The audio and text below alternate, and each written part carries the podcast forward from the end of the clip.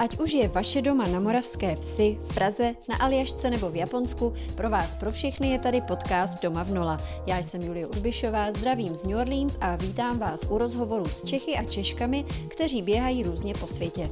Každý z nich má svůj obyčejný a přitom originální životní příběh. Začínáme teď a tady.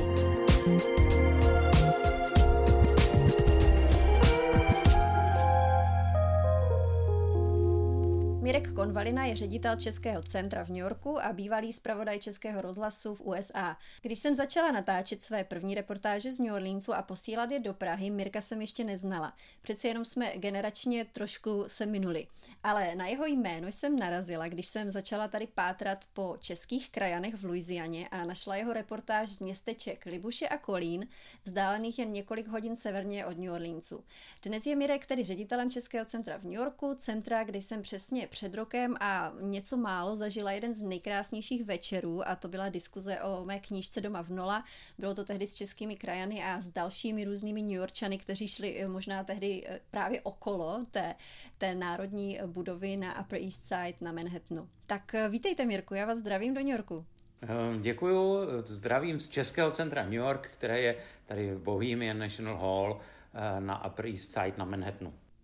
Já se hned na úvod musím zeptat právě na tu Libuši a Kolín v Louisianě. Jak jste na ně tehdy přišel? To jsou tak malinká místa na mapě, jakože to skoro nejde vidět. Jak jste je našel?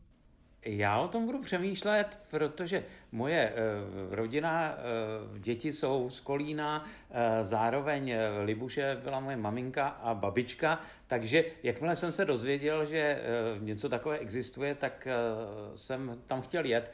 Já si myslím, že za vším byl Ken Zezulka, bývalý honorární konzul v Louisianě, který mě buď navedl, a nebo to byli manželé Holkombovi, to jsou obrovští e, e, příznivci české kultury, kteří e, jsou v Louisianě, nejsou českého původu, jsou to původně, myslím, belgičani a, a on je lékař, významný lékař Baton Rouge a, a tancují a, a paní maluje kraslice. A ti byli ve styku s lidmi právě z Libuše a z Kolína, tak jsme se tam jeli podívat a viděl jsem tam, že tam, tam měli takový natancování, takovou halu a že tam byl hřbitov a navštěvovali jsme e, různé lidi, kteří přišli. Oni tam přišli totiž, já nevím, jestli to víte, ale do Louisiany vlastně ze začátku ti krajané přišli docela nešťastnou náhodou. No já tady mám kus té vaší reportáže, já ji ocituju. Kousek a vy mi to potom vysvětlíte, protože mi se to hrozně líbilo, jak jste to tam uh, tehdy napsal do té rozhlasové reportáže. Možná vám to vybaví nějaké vzpomínky.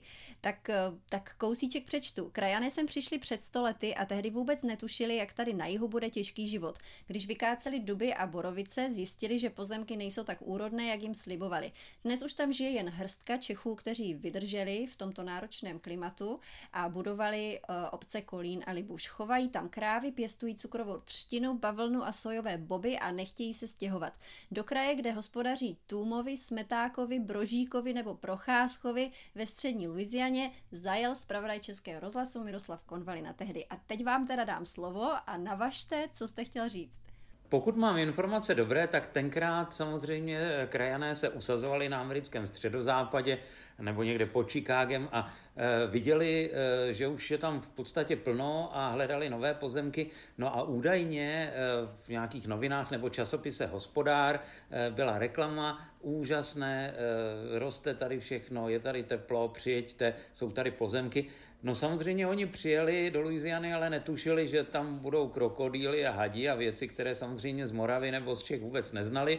Do toho samozřejmě eh, eh, oni měli problémy i s tím, že hospodařili jiným způsobem, eh, takže třeba eh, byli zvyklí eh, na jiný způsob hospodaření, dostávali se i někdy do konfliktu s těmi ostatními eh, kvůli ohrazování pozemku a tak.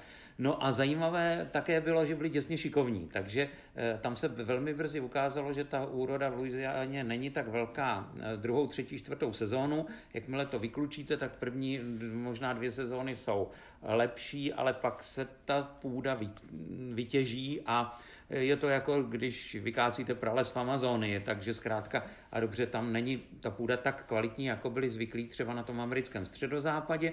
No ale ukázalo se, že mezi tím oni měli výborní kováři, sedláři, pracovali se dřevem jako tesaři. No a ukázalo se, že právě ta řemesla a ta zručnost, to je to, co si možná do dneška na krajanech v Louisianě lidé cení.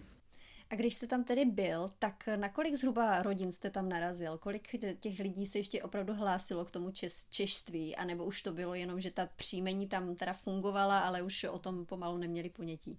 Já bych se uh, musel podívat do knížky, ale uh, pamatuju si, že jsem tam navštívil jednu rodinu, uh, kde jsme byli na delší dobu a potom, že různě okolo těch uh, Sokoloven, nebo spíš to byly takové haly, kde se dělali tancovačky, tak tam jsme uh, vždycky se s někým potkali, nebo říkali, tamhle bydlí, ale třeba zrovna nejsou doma, ale nejvíc upřímně řečeno bylo samozřejmě našich men na hřbitovech, které jsou tam Eh, a eh, takže jsem si uvědomil, že hm, ta tradice tam byla silná, ale řada lidí se také odstěhovala. Eh, ono, jakmile v Americe eh, byla možnost eh, studovat na univerzitách, tak řada těch Čechů odešla, naučila se anglicky, protože když žila v těch komunitách, tak nepotřebovala mluvit anglicky, ale po druhé světové válce, když dostali příležitost studovat, tak vlastně opouštěli ty domovy a ty komunity postupně vlastně chátraly, pokud prostě tam nebylo nějaké dobré zaměstnání poblíž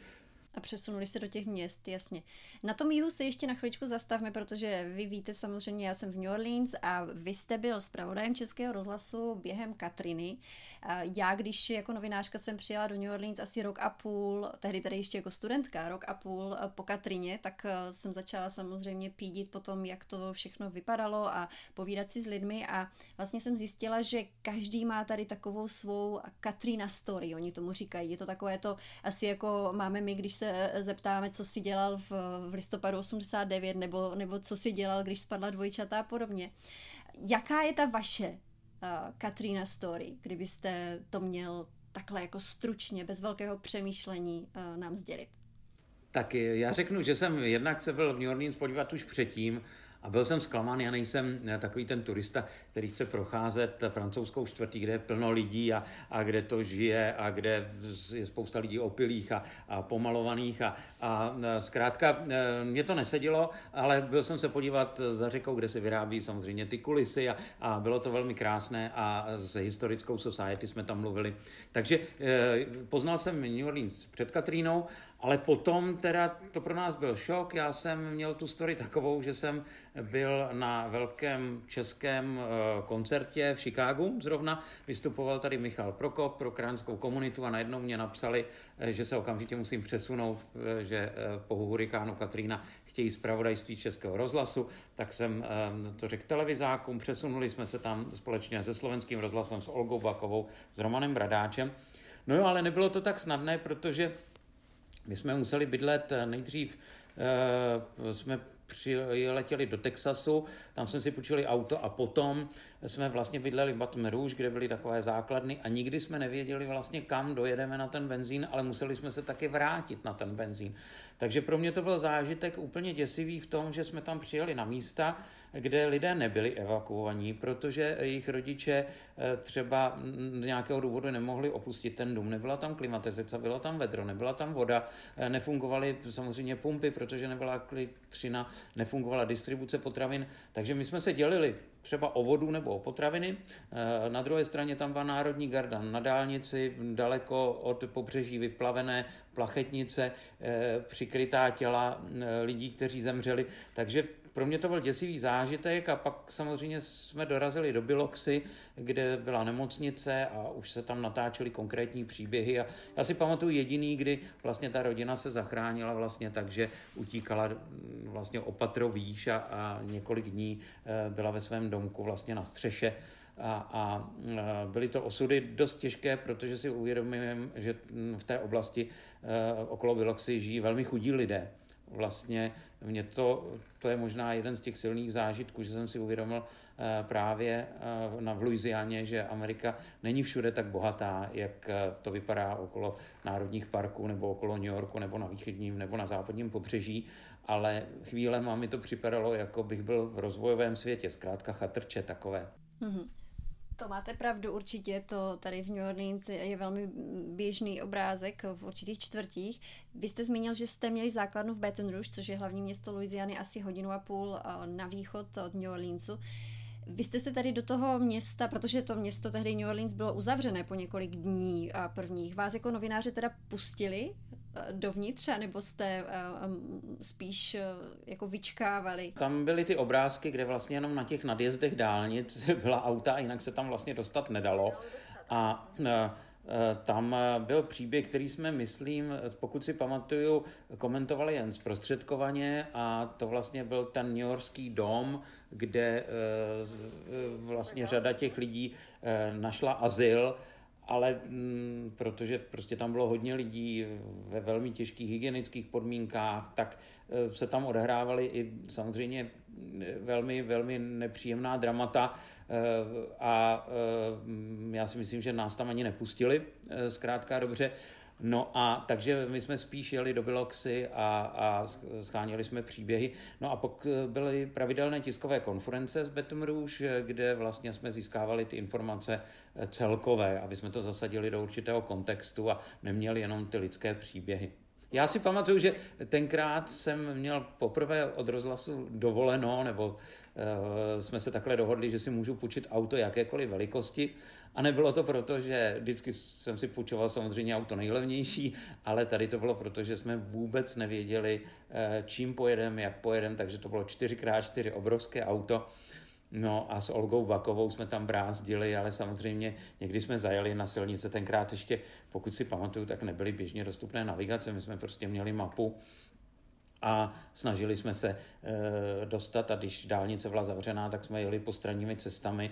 No a bylo to docela napínavé. E, chvílema e, opravdu jsme se báli, že se nedostaneme zpátky včas a nedokázali jsme si představit, kdyby nám tam došel benzín, co bychom tam dělali, i když dávno už vlastně po té katastrofě několik dní bylo. No, no, těch několik dní poté, co ty hráze se protrhly, tak eh, začala být ta nejhorší doba v tom městě. I, i, i z hlediska bezpečnosti, jak říkám, každý rok tady vyplouvají další a další příběhy lidí, co vzpomínají, co, co zažili a to jsou jako hruzostrašné příběhy prostě obyčejných lidí, kteří byli uvězněni přesně v těch domech a najednou a popisují, že všude byla tma, jsou bez vody a najednou v noci jenom slyší kolem sebe všude střelbu protože uh, samozřejmě jako kriminalita v New Orleans je obrovská a, a v tu dobu uh, zkrátka lidi byli úplně mimo a chovali se opravdu jako nelidsky. Ale pojďme se posunout, ale i když ještě zůstat trošku u toho New Orleans, zažil jste tedy v téhleté pokatrinové době nějaký takový jako úplně uh, okamžik, věm, třeba vůni, něco, co máte pořád zaryté takhle v, v hlavě, na, na co prostě si vždycky vzpomenete? V pokatrinové době ano, v pokatrinové době eh, jsme totiž zažili krásnou věc, že nám opět americká vláda umožnila, aby jsme jeli vlastně na první Mardi Gras po Katríně, tak to jsme byli zvědaví, ale upřímně řečeno nás zajímal daleko víc ten doprovodný program, No a pamatuju si, že jsme se dostali do té, myslím, že je to Garden City nebo Garden Quarter. A Garden District, tak to se nám hodně líbilo, ale já si pamatuju, že jsme zajeli pak eh, buď to v této čtvrti nebo jinde vlastně do Černožského kostela a tam eh, byla svatba. Takže si pamatuju eh, a zrovna právě ta rodina samozřejmě měla zároveň silný příběh spojený s Katrínou, takže buď to ten pastor nebo někdo z té rodiny nám ho vyprávěl a takže já si do dneška pamatuju tu, tu, tu svatbu, no, která byla jako symbolem té nové naděje a okolo samozřejmě ty duby které k New Orleans patří. To, to prostě je věc, která mě naprosto fascinuje a já musím říct, že mě eh, v New Orleans neláká ani tak francouzská čtvrť. Určitě eh, nedávno při návštěvě jsem si ji užil, ale právě miluju se procházet pod těmi duby. A já si pamatuju, že dokonce jednou jsem tam procházel a šli jsme na nějaké výstaviště a tam byl nějaký koncert nebo festival, takže jsem to musel vlastně celé, celou tu čtvrť projít tam a naspátek. No a e, to je fantastické, jak lidé sedí na těch zápražích a, a e, jsou ve stínu e, těch stromů a komunikují nějakým způsobem s těmi lidmi na ulici. Takže to, to bylo kouzelné a to se mi líbilo moc. To je velký rozdíl mezi New Yorkem a New Orleansem, že jo? Kde v New Yorku jako lidi mají pořád ty hlavy dolů a chodí a jdou vždycky za jasným cílem, tak tady jako naopak lidi mají hlavy nahoru a povídají si, jenom vy, vyhledávají oční kontakt, kdy vás jako osloví a, a kdy, kdy začnou konverzaci. A pak samozřejmě jídlo. Eh, jídlo v New Orleans eh, je to, eh, které konečně se liší, když cestujete po Americe, tak říkáte konečně něco, co je typického, tak já teď když jsem byl před Vánoci na poslední Orleans, tak musím říct, že skválně jsem koukal, kam, kam chodí chlapy, kteří mají pracovní boty a pracovní oblečení a, a zaplul jsem tam a dal jsem si právě samozřejmě eh, kuře a, a, a rýži z boby a, a to, co zkrátka mi dali. No a e, takže jsem si to užil vlastně i teprve nedávno. A samozřejmě, když tam máte správnou společnost, tak e, mají cenu i i jazzové kluby. Eh, bylo to zajímavé, že i když je teďka vlastně eh, covidová situace, všechno je zavřené, tak my jsme se dostali do New Orleans na jediný večer, jediný pátek, kdy se to nějak otevřelo. A samozřejmě my jsme příliš neriskovali, šli jsme všichni dohromady do jedné restaurace a tam jsme byli většinu času, ale když jsme přicházeli do té francouzské čtvrti, tak ty ulice byly prázdné a když jsme v noci vycházeli po desáté, po jedenácté hodně z té restaurace, tak se tam nedalo projít. Řada lidí naskákala do taxíku, jela zpátky do hotelu, ale my jsme zašli do eh, jednoho klubu, kde jsme věděli, že je takové evropské prostředí. Eh, ten klub nebyl otevřen zevnitř, ale jenom v takovém průchodu venku, takže jsme se cítili relativně bezpečně. A e, musím říct, že to bylo nádherné, diskutovali jsme tam s muzikanty dlouho do noci a, a pak samozřejmě jsme trošku měli strach 14 dní, jestli přece jenom jsme něco nechytili, ale nikdo tam v tom klubu nic nechytil, takže to bylo dobrý to asi eh, lidi, co čtou můj blog, tak vědí přesně, o kterém klubu mluvíte, protože já jsem před asi měsícem nebo měsícem a půl byla v tom stejném klubu, je to European Fritzels Jazz Bar na Bourbon Street který přesně má takovou tu malinkou, malinký dvorek New Orleanský, kde se hraje. A já dneska mám hrozně dobrou zprávu, protože New Orleans oznámilo, že přechází do fáze 3 a otvírá restaurace a kluby na 70% kapacity, takže se konečně poprvé od vlastně Loňska, protože je to skoro přesně rok, co pandemie začala, všechno zavřela, takže se začíná v New Orleans zase hrát živá hudba. Tak zdravím Kate Fulton a jejího manžela trumpetáka, protože já jsem taky trumpetista, takže e, samozřejmě nebyla doba na to si měnit na, na trubky, takže jsem si to naštěstí neskusil, ale musím říct, že on hrál úžasně a, a už jsme se dohodli, že se potkáme i tady v New Yorku. Já mluvila o tom, že každý eh, má teda v New Orleans eh, Katrina Story, vy jste ale pokrýval i New York a Ameriku po 11. září, což eh, bylo taky určitě šíleně vypjaté emočně období a podívejte, a teď jste už rok zase v New Yorku v období pandemie, což je další krizové období, na které budeme určitě všichni jako vzpomínat do konce životu. Vidíte v tom nějaké similarities, chci říct anglicky, nějaké podobnosti. Doufám, že se od teďka nebudu mít nálepku, že když tady jsem, tak se něco děje, ale eh, rozhodně jsem v Americe zažil krásné věci, ale je pravda to, že eh, na New Yorku je krásné, eh, že vlastně tady, jakmile tady zakořeníte, máte tady přátele, tak eh, ti vám vytváří takový ten malý New York. New York je složený z milionů malých New Yorků. Každý tady má buď to svou komunitu nebo své přátele. A to nemusí být na eh, etnickém základě, to může být na základě profese, zájmu. A, a, eh, takže Tito přátelé se vlastně vrací, tito přátelé jsou mojí jistotou lidé, eh, kteří tady byli po 11. září a se kterým jsem sdílel ten jejich smutek, jsou mými nejlepšími přáteli dodnes. A máte to jako, mm, když přicházíte do věku, jako jsem já, tak zjistíte, že e, ti blízcí přátelé většinou se neobjevují už tak snadno, ale ale, ale přátelé z mládí zůstávají a přátelé z těch krizových e, situací se nemění. Takže na ty spolehnutí, takže vím, že když někomu z nás bude zle a jakože už za ten rok nám tady leckomu bylo, tak že pomohou. No ale objevila se eh, řada, řada nových lidí, kteří jsou otevření, kteří si mě pamatují třeba před 20 lety, já si ne všechny pamatuji.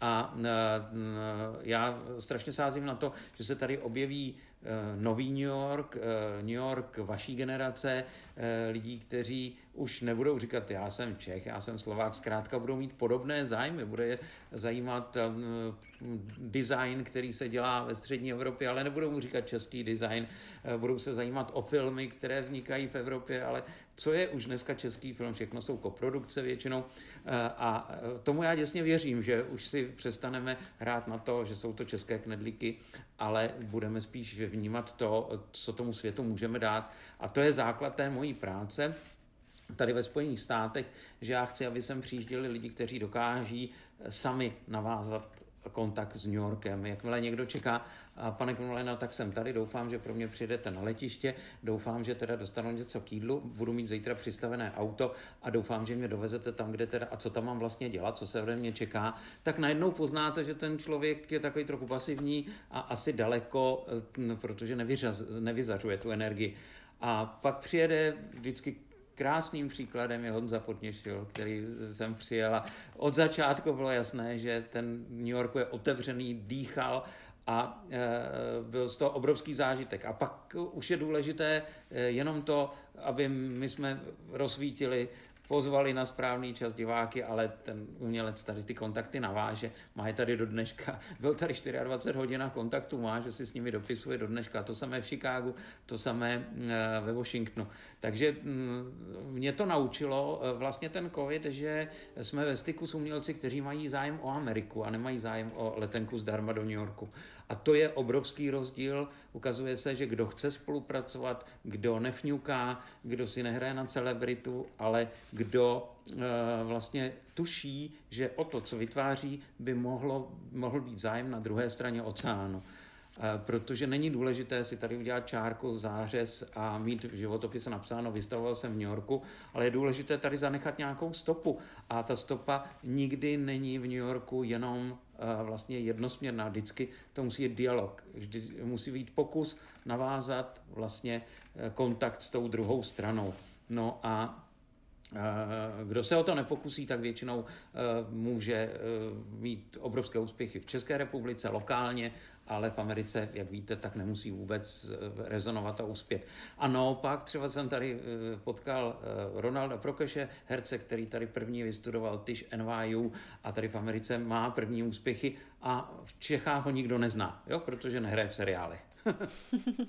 ne, je to pravda a je to zajímavé, jak to říkáte, protože my jsme vždycky takový ten jako národ, že si jako na jednu stranu si moc nefandíme, ale na druhou stranu, když už někdo jako dobije tu Ameriku, tak jsme si myslím jako na toho člověka hrdí, ale když potom přijdete do toho New Yorku a brouzdáte tam těma ulicema v tom obrovském městě, kde je těch národů prostě, co si budeme povídat, miliony, tak uh, skutečně tam nikoho nezajímá, jako jestli jste Čech nebo co jste, ale jenom zajímá ty lidi, co děláte a jak to děláte a jaký můžete uh, pro ně mít přínos.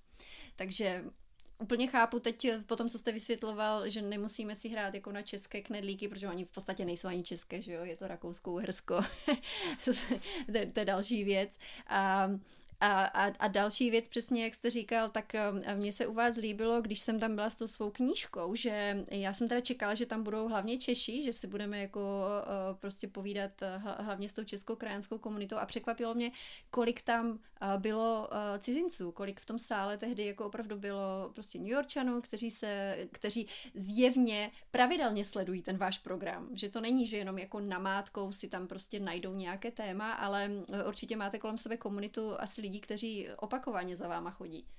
Na jedné straně ano, na druhé straně e, obrovská příležitost je právě v této době, kdy jsme e, vlastně byli přinuceni se plně věnovat onlineu a zase se ukázalo, že není problém zprostředkovat koncert, balet, online výstavu, ale je problém najít to správné publikum a nám se najednou otevřela celá Amerika.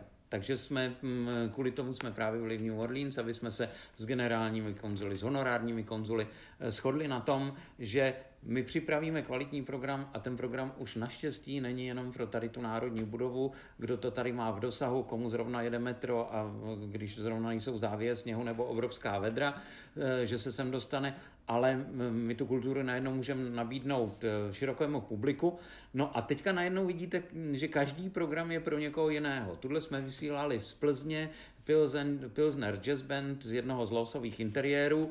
No a z celé Ameriky se nám hlásili vlastně lidi, kteří milují Plzeň, narodili se krajané, sdíleli s náma um, tu atmosféru, tančili téměř prostě u svých, u svých uh, mobilů nebo počítačů. No a o pár dní později jsme měli konferenci, architektonickou konferenci, kde téměř nebyli podle mě žádní krajané, naopak prostě, a přitom to byla zase konference o Adolfu Lossovi v Plzni a na té architektonické konferenci byli studenti z prestižních amerických univerzit.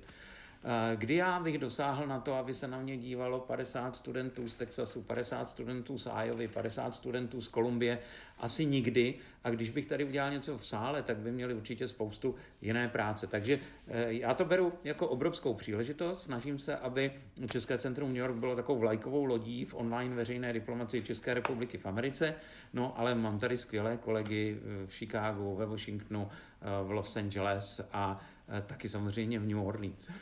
No a e, ty zoomové přenosy e, vlastně jsou hrozně dobré i pro tu celou českou krajanskou komunitu taky, protože e, přesně jak vy říkáte, kdo se dostane do New Yorku, jako je to opravdu spíš výjimečně a když už někdo jede na výlet do New Yorku, tak asi úplně nemá na plánu svého programu jít do, do České národní budovy, ale my jsme se připojili minulý týden k vám a to byla teda úžasná zkušenost na vysílání přenosu pro české školy, pro krajanské školy tady po celé Americe.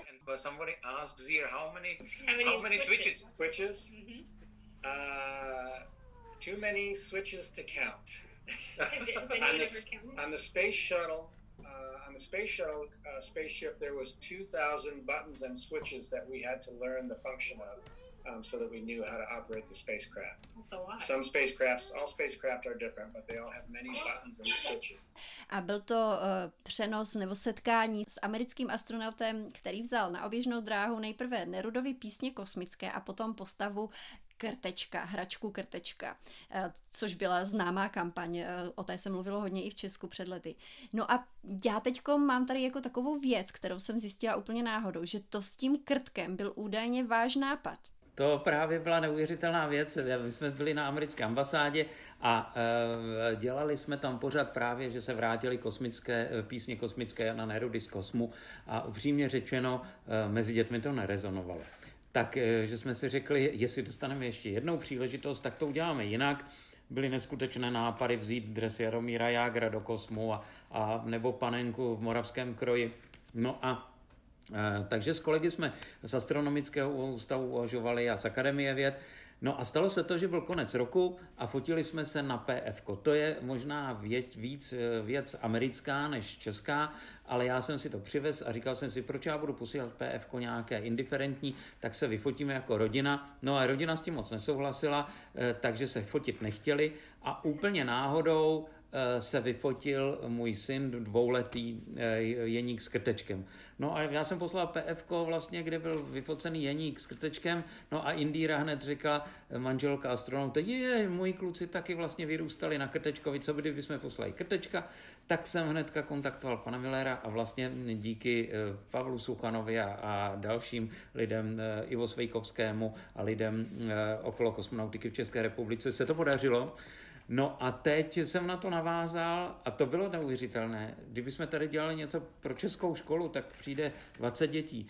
A díky tomu onlineu jsme mohli vlastně s tímto programem do Kosmu s krtkem eh, vystoupit před dětmi po celé Americe. A to bylo nádherné se dostat do těch obýváků nebo do těch škol. Některé ty děti eh, jako se tam nejdřív pošťuchovali, no ale když viděli, že tam skutečný astronaut, tak úplně bylo vidět, jak se přiblížili k té kameře a můžu se něco zeptat. Samozřejmě se zeptali, jak se chodí na záchod a co se jí v kosmu a jaké je to ve stavu bez tíže.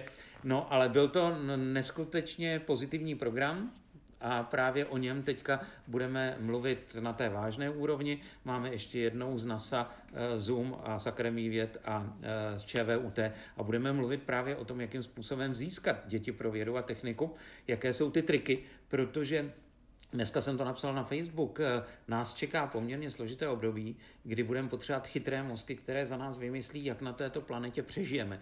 Je nám úplně už jasné, že to nepůjde stejně, že eh, nás bude eh, obtěžovat globální oteplování, že nás budou obtěžovat nemoci, které nebudou tak lehce zvladatelné a že ten způsob života bude jiný, ale přesto tady budeme žít, přesto tuto planetu určitě neopustíme, nemáme zatím kam tak eh, eh, já jsem dělal mluvčí automobilového průmyslu a je zajímavé, že v tom automobilovém průmyslu už eh, před těmi pěti, sedmi lety se tohle předpovídalo a říkalo se, přichází doba elektromobilů, přichází doba autonomního řízení, přichází doba um, různých uh, dalších vychytávek, elektromobility a další. A tenkrát jsme si mysleli, že to tak dobře, tak to, to bude trochu zelenější, ale stejně, eh, stejně ty auta budou kouřit někde z elektráren, protože se ta elektřina někde musí vyrobit. Ale vůbec nám nenapadlo, že když nám někdo povídá, že právníci nebo lékaři budou online, a prosím vás, to, to je asi nesmysl, pane Konvalina. A dnes se ukazuje, že ty prognostici od okolo toho automobilového průmyslu vlastně věděli, o čem mluví a dnes se to všechno velmi urychlí a já si myslím, že ty mrakodrapy Eh, tady, kde byly kanceláře významných eh, institucí a firm, zůstanou do velké míry prázdné, protože ten náš způsob života se změní.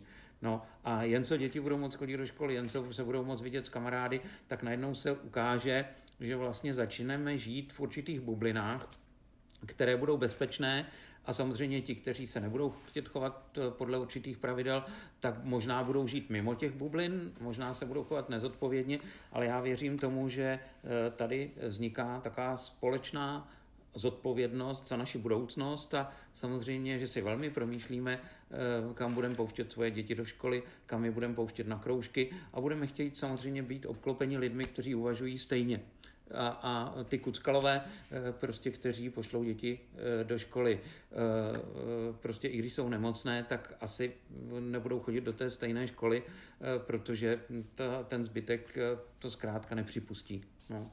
Já si myslím, že to bude určitě velmi velmi poučné, ale nevidím jinou cestu, protože I já občas dělám lotroviny, i já občas eh, mám roušku déle, eh, než bych ji měl mít a, a nevyhodím ji včas, takže možná už ani nefunguje. A, ale zase na druhé straně se ukazuje, že ten new normal, o kterém teda jedna z evropských představitelek mluvila právě před rokem, Jo, v České republice, když to vlastně z Německa zaznělo, že eh, budeme žít úplně jinak, že se na to musíme zvyknout, tak já si pamatuju, jaké byly reakce v českém tisku, ehm, co nám to kdo říká, mysleli jsme, že za tři měsíce je to pryč. A vlastně eh, ti, kteří věděli, se nám snažili říct, že eh, věci budou přicházet a že se s tím budeme muset nechat naučit žít. Eh, problém je, co všechno s těmi auty, co všechno s těmi lidmi, kteří žijí úplně mimo New York a potřebují se sem dostat a, a samozřejmě to, to město denně osídlí za normálních okolností miliony lidí, co všechno s kulturou, jakým způsobem to budeme dělat. Ale mluvil jsem nedávno s Ivou Bytovou, s kterou vlastně to prožíváme od začátku, kdy eh, jsme sdíleli podobně ten strach těch prvních dnech a snažila se dostat do České republiky podobně jako já a nebylo to lehké. A teď eh, vlastně jsme si řekli, že se to nevrátí úplně do normálu. Jo. Já si myslím, že to je ten zásadní rozdíl, jak jste zmínil, mezi třeba tou Amerikou a třeba i Českem, že tady si myslím, že to těm lidem došlo během, já bych to tak řekla, že ten zvrat nastal někdy možná jako na přelomu srpna, září, kdy u nás v podstatě v New Orleans, u vás v New Yorku to bylo ještě přísnější, se zkrátka neotevřelo ani trošku nic během léta. Uh, u nás prostě pořád byl, byl zákaz úplně všeho. My jsme jako se dostali maximálně na dětské hřiště tady u nás a když jsme viděli, že tam někdo je, tak jsme se zase otočili a šli jsme zpátky a opravdu jsme jako dodržovali velmi striktně ta nařízení která byla, kdežto v Česku bylo léto krásné, všichni byli venku a, a jezdili na kolech a podobně. A, takže myslím si, že tady nikdy tím, že nedošlo to rozvolnění vůbec ani trošičku během toho minulého roku, tak ti lidi to opravdu vzali tak, že toto je opravdu jako nová doba. To je prostě, co budeme teď dělat, jak to nějakou dobu bude a pokud se to trošku zase vrátí jako do normálu, jako co vidíme s tím, jak se tady opravdu velmi očkuje i u vás, opravdu ve, jako ve velkém množství, u nás tak za poslední týden, dva se to teprve opravdu rozjelo, tak vidíme už ty rozdíly, že zkrátka to město si troufá na to otevírat i ty restaurace a vrátit se do toho v podstatě životního stylu, na který jsou tady ty lidi zvyklí. Tady je velmi zajímavé to, že vlastně do České republiky zpátky eh, prakticky nikdo nemůže, takže je to okruh jenom lidí, eh, kteří máme to privilegium díky prostě naší práci a díky výzum, že, že občas můžeme pracovně nebo případně soukromně se nějakým způsobem otočit, i když to není vůbec lehké, ale ti, co se v poslední době vrátili vlastně z České republiky, tak říkají, že často si nerozuměli ani se svými přáteli, ani se svými příbuznými, protože prostě teď mi to tady někdo říkal, no já jsem přišel a okamžitě mě zvali na narozeniny eh, prostě tetičky Věry, řeknu třeba, jo, a eh, on říkal, no ale já mám práci v Americe, já si nemůžu dovolit jako jít na narozeniny tetičky Věry a riskovat. Já se potřebuji dostat do letadla, já potřebuji mít testy v pořádku.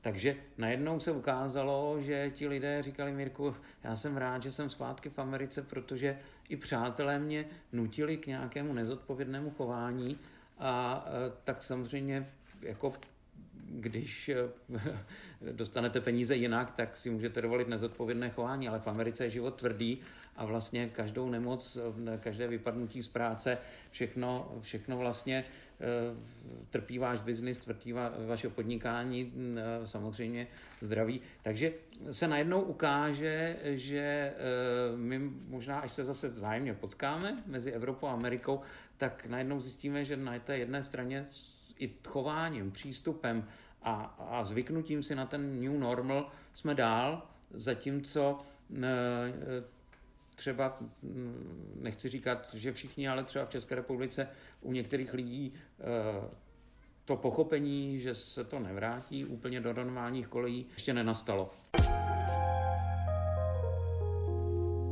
Pojďme už od covidu se trošku posunout dál. Mě by totiž ještě zajímala jedna věc. My máme společné to, že máme teda stejnou profesi a taky to, že jsme tady strávili nějakou dobu na vysoké škole studii, studiem, studiem žurnalistiky. Vy jste sem poprvé do USA přijel v 90. letech, pokud se nepletu, a to studovat právě žurnalistiku na University of Missouri ve městě Columbia, což je asi na půl cesty mezi St. Louis a Kansas City. A což jsem teda do včerejška vůbec nevěděla, ale já to zase tady jako na sebe přiznám, že ta tamní mizurská škola žurnalistiky je úplně první vysokou školou v Americe, kde se mohli vzdělávat budoucí novináři. Založili v roce 1908 novinář Walter Williams, kterému se přezdívá tady taky dědeček eh, právě vzdělávání žurnalistiky a on poté uh, údajně cestoval po celém světě a prosazoval tu myšlenku a dokonce uh, prý založil fakultu žurnalistiky na univerzitě v Pekingu tréninku. Tak to se mi hrozně líbilo, ten příběh. Tak teď mi k tomu musíte něco říct. Na té úplně první hodině no, žurnalistiky, co jsem byl na univerzitě v Missouri, tak si nás tam posadili a říkali, a proč si myslíte, že existuje v Spojených státech média? A my jsme všichni, aby informovala a aby byla vyvážena, aby a oni říkají, ne, média prostě tady existují proto, aby vydělávala peníze svým majitelům. Takže my jsme se trochu pousmáli, ale stejně jsme pořád věřili v tom, že média jsou tady, aby informovala. A v té době skutečně to bylo tak, že eh, když jste si koupil noviny, pustil rádio nebo pustil televizi, tak jste se dozvěděl všechno důležité. Dozvěděl jste se o kultuře, dozvěděl jste se o sportu, o vědě, o zemědělství. Dneska eh, se eh, dozvíte věci, které jsou atraktivní na prodej. To znamená, že vlastně o těch celebritách politických, o těch celebritách kulturně politických a vlastně eh, informace se prodává, aby prodala reklamy. Takže tady je to někdy hodně vidět. Já jsem tam tenkrát přijel a nevěděl jsem vůbec, kam letím. Mě přistálo velké letadlo do St. Louis, tam se zjistilo, že na těch papírech, které mi tenkrát eh, dali z Prahy, tak je špatně datum, ale naštěstí mě nevrátili. Eh, napsali tam o rok míň, eh, takže jsem tam měl být jako teoreticky už před rokem. No a posadili mě do malého letadla, které drkotalo nad tím americkým středozápadem. A já jsem říkal, že já jedu na nějakou farmářskou školu, co se děje. No a přistál jsem na letišti, kde byl jeden ten takový ten pytel, do kterého fouká ten vítr a malý domeček. A vlastně bylo nás asi šest, co letěli tím letadlem a ten můj krv, obrovský kufr, tenkrát byl 32 kg, se smělo lítat ještě, jo, v letadlech ještě byly příbory a za letuškami se prostě chlapi otáčeli. To byla jiná doba. Takže jsme přistáli a já si pamatuju, že ten přijel ten děkán, eh, Ed Lembes, ten eh, děkán té žurnalistické školy a pokusil se ten kufr zvednout a nepodařilo se mu to, protože to byl kufr s věcmi na celý rok a a e, prožil jsem tam krásné věci, doufám, že se tam e, někdy vrátím. No a pak jsem se dozvěděl, že je to jedna z nejprestižnějších novinářských škol v Americe, no a dalo mi to vlastně během roku, roku a půl náskok, který jsem pak snad udržoval a snad udržuji ještě doteď, že e, člověk má vždycky buď to víc zkušeností, víc kontaktů a víc znalostí než třeba ty ostatní a pak uspěje v té soutěži třeba na takové místo, jako je tady ředitel Českého centra v New Yorku. Mě na tom ještě zajímá, jestli si pamatujete třeba na nějaký svůj jako první text napsaný v angličtině tehdy pro právě hodinu nějakého psaní, protože já, když si vzpomenu na tu svoji první žurnalistickou tady klás, tak nás vyučovala tady jedna novinářka, která se sem nějak čerstvě přestěhovala, byla taková jako hrozně hezká, inteligentní paní a snažila se nám předat ty zkušenosti z praxe a byla teda jako velmi prakticky orientovaná a já po prvním textu tehdy si pamatuju, že jsem zjistila dvě věci. Za prvé, že ta jako moje angličtina mi nebude nebude úplně tak jako stačit, že docela dost překládám prostě češtinu do angličtiny a ono to tak úplně jako nefunguje. A že v tom anglofonním světě se píše úplně jinak, než na to, jak jsem byla uh, zvyklá z Česka. Což si říkám, že v těch 90. letech musel být uh, ještě o dost větší rozdíl. Narazil jste na to, jako na ten rozdíl prostě toho kluka z Československa najednou v tom anglofonním psacím světě? Já musím říct, že nemám vůbec talent na jazyky a, a snažil jsem se před eh, odjezdem um, tenkrát nějakou angličtinu expresi, pamatuju, že jsem dělal a přijel jsem do Ameriky a asi to uh, bylo dost úděsné, ale v roce 91 to asi bylo dost úděsné s námi všemi. Nicméně já jsem se e, naučil hodně anglicky tím, že vlastně mě zvali do všech možných pořadů, Eh, do všech možných škol, abych vyprávěl vlastně o tom přechodu, o té sametové revoluci v roce 91. Takže tím jsem se naučil hodně. Potom eh, samozřejmě jsem chodil na středozápadě do kostela, do nedělních škol. Eh, zjistil jsem, že výborné na to jsou happy hours, že si tam povídáte s přáteli a tenkrát jsem byl schopen jíst i ty nejpálivější omáčky, křidílka, když byla zdarma a k tomu pít jedno pivo, protože zkrátka jsem neměl peníze a chodil jsem na ty happy hours a, a poslouchal jsem, učil jsem se. Jezdil jsem s přáteli na vodu, eh, si pamatuju, že e, jsem cestoval pak po rodinách těch jednotlivých studentů, takže jsem byl na svatbě v Ohio a byl jsem u Mormonů v, v, v tom v Salt Lake City a různě. No e, a během toho roku si myslím, že jsem se vylepšil, ale pak přišlo to psaní, kdy vlastně nebyly počítače, já jsem měl za úkol napsat závěrečnou zprávu um, a nikdy jsem takový souvislý text v angličtině psát nemusel. A to si pamatuju, že jsem teda přepisoval několikrát a několikrát mi to někdo kontroloval, protože něco jiného je ta angličtina mluvená, my extroverti nemáme problém i s těmi e, pěti slovy, e, které umíme na začátku každého jazyka se domluvit všude, ale potom, když dojde na to psaní, a e, takže musím říct, že s tím bojuju do dneska. Si myslím, že angličtina je mým celoživotním cílem. vy jste už to naznačil, ale já jsem se ještě chtěla zeptat, vlastně, že vy jste, když jste sem přijel poprvé v těch 90. letech, tak jste určitě musel být plný jako ideálů. A určitě jste se chtěl podívat prostě všude po té zemi. Co jste si tehdy koupil třeba jako první tady v Americe? Já si vždycky jako ráda vzpomínám totiž na ty první dny, na ty týdny toho života tady, protože to bylo všechno najednou úplně jiné, na takovou tu jinakost a všechna očekávání z té nové země. A, a nechci se vás asi ptát jako na to úplně, jak se ta Amerika změnila, protože já si myslím, že se asi úplně moc jako zas tak nezměnila, že spíš doba se mění a, a my se měníme jako lidi samotní. Ale pojďme teda, když už jsem se vás zeptala, co jste si koupil jako první tady v Americe? Já jsem si asi jako eh, takhle, eh, vím, že eh, si přáli vědět, co bych rád kýdlu, takže první jsem říkal, že chci do McDonald's a to si pamatuju, že když jsem si to dal poprvé, tak jsem si říkal, aha, tak jestli to stojí 90 centů, tak to já můžu jíst pořád, tenkrát to bylo samozřejmě všechno levnější.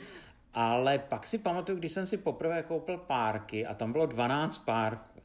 Takže a k tomu jsem samozřejmě měl ten chleba, který není chlebem, jak jsme zvyklí. No a teď jsem dostal uh, ten chléb, který po dvou koustích chleba jsem měl pocit, že už mi nechutná a nevěděl jsem, co budu dělat se zbytkem toho chleba. Neměl jsem uh, ten toustovač. No a ty párky jsem sněd dva a vůbec mi nechutnaly jako párky a e, nedovedl jsem si představit, že dalších deset ještě budu jíst nějakou dobu. No ale pak jsem e, najednou e, zjistil, že mám poměrně málo peněz, přišel jsem do banky, tam mi dali hrníček, si pamatuju, že to, ta banka se jmenovala Botsman's Bank, zřídil jsem si první účet v Americe, no a zjistil jsem, že musím chodit na obědy a vždycky z toho oběda, který je levnější, si to přinést domů a tam si přidělat tu rýži. Takže jsem šel k do čínské restaurace, tam jsem si vzal oběd a rozdělil jsem si ho na dvě. A takže jsem přežíval. O víkendu jsem šel eh, na branč po kostele, eh, mě vždycky někdo většinou pozval na branč, takže to jsem takhle přežil, dokonce jsem si ušetřil, že jsem pak si pronajal auto a na konci jsem cestoval po Spojených státech. No a pak jsem zjistil, co jsou garage sales, takže vlastně dneska už bych tu odvahu neměl, ale i příbory, talíře, hrníčky. Um, vím, že jsem měl uh, takový uh, kulatý koberec um, uh, v pokoji. Já jsem vlastně přijel jenom se spacákem, v tom péřovém spacáku jsem spal většinu, většinu toho roku a zbytek mi někdo půjčil, dokonce mi půjčili starý gramofony, když jsem jako žádné desky neměl. No a takže to, to bylo fajn. Nespomínám si, že bych dělal nějaké nákupy velké. Chtěl jsem si koupit auto jednou, takové samozřejmě brouka, eh, kterého jsem měl vysněného, tak jsem si našel asi za tisíc dolarů. No a když jsme to jeli projet, tak já jsem pro, prošláp pod, pode mnou, pod nohama to bylo tak prorezlé, že se to prošláplo téměř za jízdy, takže jsem si uvědomil, že ti cesta takto nepovede a, a pak kratší kamarádi říkají, hele, když budeš potřebovat, já pro tebe přijedu a tak. No ale naučil jsem se jednu velkou věc, že jsem chodil eh, do jednoho second hand store, kde bylo oblečení a půjčovali se tam oblečení na různé ty parades, na ty, průvody a přehlídky a na různé ty uh, studentské, studentské akce.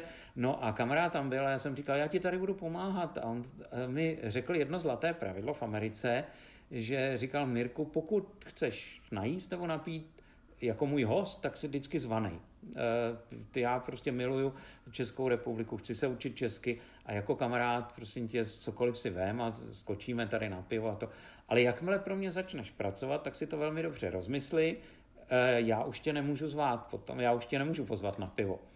A e, já zkrátka ti dám ty tři dolary za hodinu tenkrát, nebo kolik bylo, a, a, a pak už prostě budeš můj podřízený. Jako profesionální vztah už je mezi vámi. Profesionální vztah a, a to jsem si uvědomil prostě, že taková pravidla, nebo že když jste tady členem country klubu, tak že to neznamená, že budete někoho o víkendu na golfu, eh, jakože nejsem členem country klubu, ale na golfu otravovat tím, že když je teda lékař, takže manželka by tam za ním zašla v pondělí, tak to neexistuje. Zkrátka dobře, tam jsme proto, aby jsme odpočívali a je nevhodné eh, tam navazovat kontakty, i když samozřejmě kontakty na úplně jiné úrovni, asi třeba politické nebo společenské se tam určitě navazují a, a mm, ta přátelství se využívají, ale není to tak, že uh, vy jste tady příteli tak velmi snadno uh, mohl uh, o něco říct, o nějaký favor, jak se říká. Tak to jsem se taky naučil, že vlastně uh, to, to tak není. No a mm, takže ta Amerika mi dala spoustu věcí, naučil jsem se být v mnoha věcech tolerantní, musím si uvědomit, že na začátku 90. let to ne jen, že jsme měli předsudky, ale byli jsme prostě nějakým způsobem vychovávaní. Dneska už, dneska už nám to přijde úplně normální, ale jako mm, prostě byli jsme v zemi, kde jsme se nesetkali téměř žádnými minoritami. E, lidé nepřiznávali svou sexuální orientaci. E, k ženám se té naší společnosti určitým způsobem chovalo. Dnes samozřejmě to člověk vidí, ale tenkrát se to učil Eh, jakým způsobem. Eh, já si pamatuju, že jsme jednou byli natáčet a dostali jsme eh, k sobě průvodkyni z pensylvánské nebo z mizurijské turistické agentury. No a já jsem přijel z té České republiky, kde jsem byl zvyklý zalichotit svým způsobem. No a e, jeli jsme do Amish community, kde nám řekli, že nesmíme natáčet ty Amishe prostě v obličeje a že nesmíme natáčet toto. No a já si pamatuju, že dneska už bych to samozřejmě neudělal, ale tenkrát jsem to udělal a říkal jsem, no ale když máme tady krásnou průvodkyni Megan, tak ona určitě za těma Amishema zajde a vyjedná nám to tam. No a dneska už samozřejmě vím, jak to bylo nepřístupné. Tenkrát někdo řekl ups a lidé začervenali, já jsem byl student, takže jsem si to mohl dovolit. Nakonec jsme to všichni překonali, ale do dneška si to pamatuju, do dneška jsem poučen a do dneška vím, že eh, prostě ta zkušenost s tou Amerikou mi dala věci nejen v té oblasti třeba vzdělání, no, anebo v té mé profesi. I vy jako člověk jste se posunul někam jinam.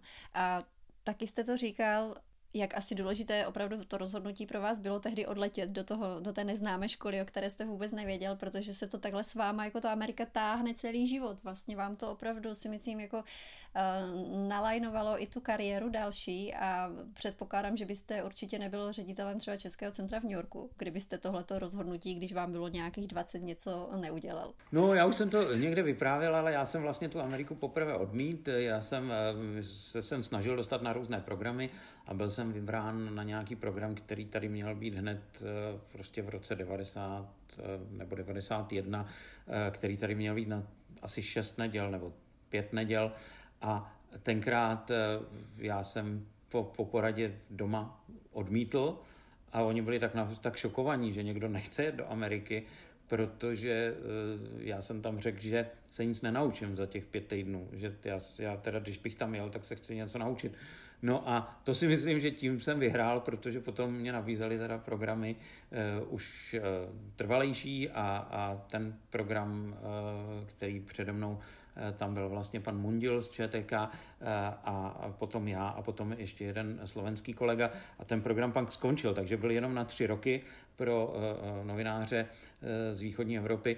No ale hlavně, jak víte, tak člověk se stane součástí těch amerických rodin. Takže do dneška, eh, když mi píše třeba eh, manželka toho děkana, no tak eh, prostě to končí Mirek we love you, jo, nebo prostě ty jsi náš prostě syn, ty jsi náš, tak podobně je to s přáteli, kteří mě třeba poprvé tady na Vánoce nechali u sebe být, na Floridě. Jsem cestoval na Floridu, vůbec jsem neviděl za kým a potkal jsem tam lidi. A do dneška říkají, Mirku, ty jsi součástí naší rodiny, koukej volat, jak to, že si netelefonovala to. Tak eh, to eh, u nás v 90. letech v České republice nebo u nás doma se střídali američani, prostě, kteří tam byli jako učit angličtinu a eh, bylo to fajn, ale bydleli tam nebo přišli na jídlo, ale musím říct, že nikdy naše rodina nevnímala, že jsou součástí naší rodiny. Jo, zkrátka to byli přátelé Mirka nebo, nebo uh, američané, kteří přijeli na návštěvu, takže jsme je vzali na chalupu, přišli k nám domů nebo, nebo u nás přespali. Si pamatuju, že jedna rodina eh, tam vysadila takové to okno sklápěcí ještě eh, z těch panelácích starých byly takové složité vyklápěcí systémy. No a ta rodina byla celá nešťastná, že jim to celé vypadlo a neuvědomili si, že prostě to vypadává úplně běžně No a když si mysleli, že teda ta situace byla už úplně jako zachráněná, tak ta paní si sedla na postel a jak te, prostě v začátku e, z nejmenované velké prostě švédské a nábytkářské firmy začaly chodit první postele, tak to zkrátka e, tam ty, ty jednotlivé lamely prostě ji neudržely. Takže se staly dvě takové situace, kterým jsme se zasmáli a do dneška si to pamatuju. No a pak právě bylo hezké to, že jednu tu americkou rodinu jsem vozil asi týden po celé České republice, hrady, zámky, všechno, co si dovedete představit. No a e, nakonec napsali zpátky e, do, na pohled, že no představte si, byli jsme tady u Mirka, krásně nás tady opečovával a byli jsme v městě, kde vymysleli kostku cukru a byli jsme také v Ikei. No, tak to, to mě naštvalo. IKEA, IKEA je všude na světě číslo jedna, no jasně. Já vám hrozně moc děkuji, že jste si dneska udělal čas, ale než, než vás pustím ještě zpátky do pracovního procesu, tak mám posledních pár takových jako anketních otázek, protože já tomu věřím, že i přesto, že žijeme jako v nové době, která prostě i cestování eh, určitě trošku změní a omezí, tak já přesto věřím, že se eh, Amerika brzo otevře a že se lidi zase začnou um, prostě chtít dívat a, a že budou chtít jet třeba do New Yorku. Tak eh, pár takových typů od vás bych chtěla nakonec, jo? Takže kde podle vás jsou eh, na Manhattanu eh, nejlepší bagely k snídaní? Aha, no tak eh, já teda, to se budete divit ale na ulici, tady za rohem, zejména teďka v této době, tady je taký mladý pár hispánský, bohužel tím, že já neumím španělsky a oni neumí anglicky, tak jsme se nikdy pořádně nedozvěděli nic o sobě. I když jsem tam přivedl i své děti a tam chodím a strašně jim fandím, takže eh, i v, i v době covidu se tam snažím ten bagel a ten cream cheese si tam vždycky dát, ale samozřejmě jsou tady daleko lepší takzvané bagelárny a v mrazáku mám také nějaké bagely, které si udělám sám, ale nikdy to není ono, takže na ulici. Street food nebo jídlo na ulici, to k Americe patří, k New Yorku to patří. Eh, já nejsem to vyloženě velký obdivovatel, ale jsou lidi, kteří na to nedají dopustit. Takže na ulici si zkusit dát kafe, eh, popovídat si tam, no to je fajn. A u vás u Českého centra tam bylo vždycky takové malinké deli, jako přímo na druhé Avenue. Je to tam ještě?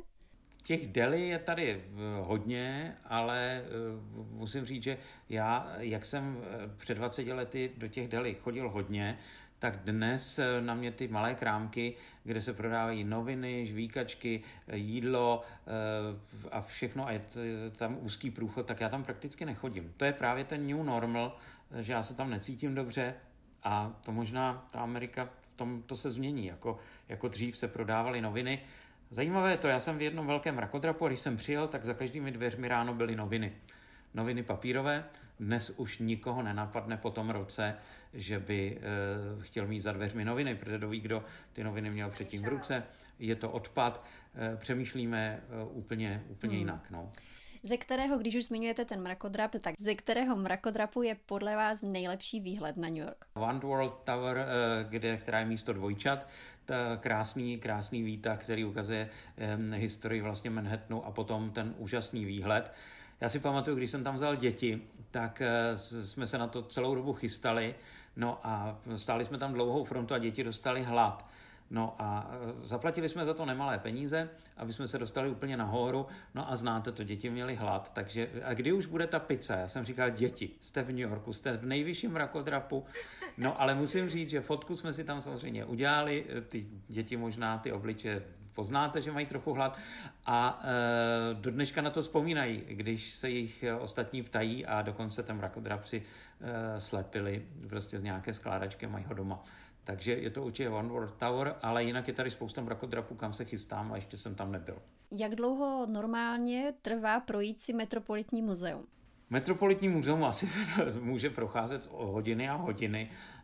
Já to dělám tak, že tam vždy jdu s někým, chodil jsem tam s diplomatem Karlem Komárkem, který uměl krásně vyprávět. Problém byl v tom, že my jsme vždycky začali v egyptologické expozici a Karel vždycky říkal, že dělal velvyslance při UNESCO a že právě některé ty památky pomáhal zachránit. Takže eh, my jsme většinou strávili část času tam. Pak jsme se šli podívat do nějakých sbírek, které prostě byly zajímavé.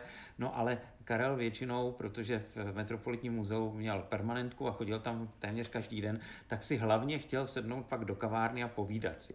Takže já to mám spojený s tím, že vlastně Metropolitním muzeem jsem nikdy nebyl unaven, protože vlastně naším cílem bylo povídání v muzeu v té kavárně. A mezi tím jsme si něco prohlédli.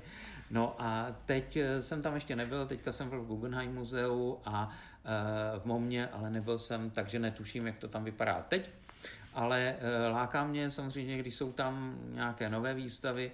Eh, já si pamatuju, když tady právě před 20 lety byla česká gotika a to byla poslední taková velká výstava naše v Metropolitním muzeu, tak doufám, že někdy se také něco takového podaří.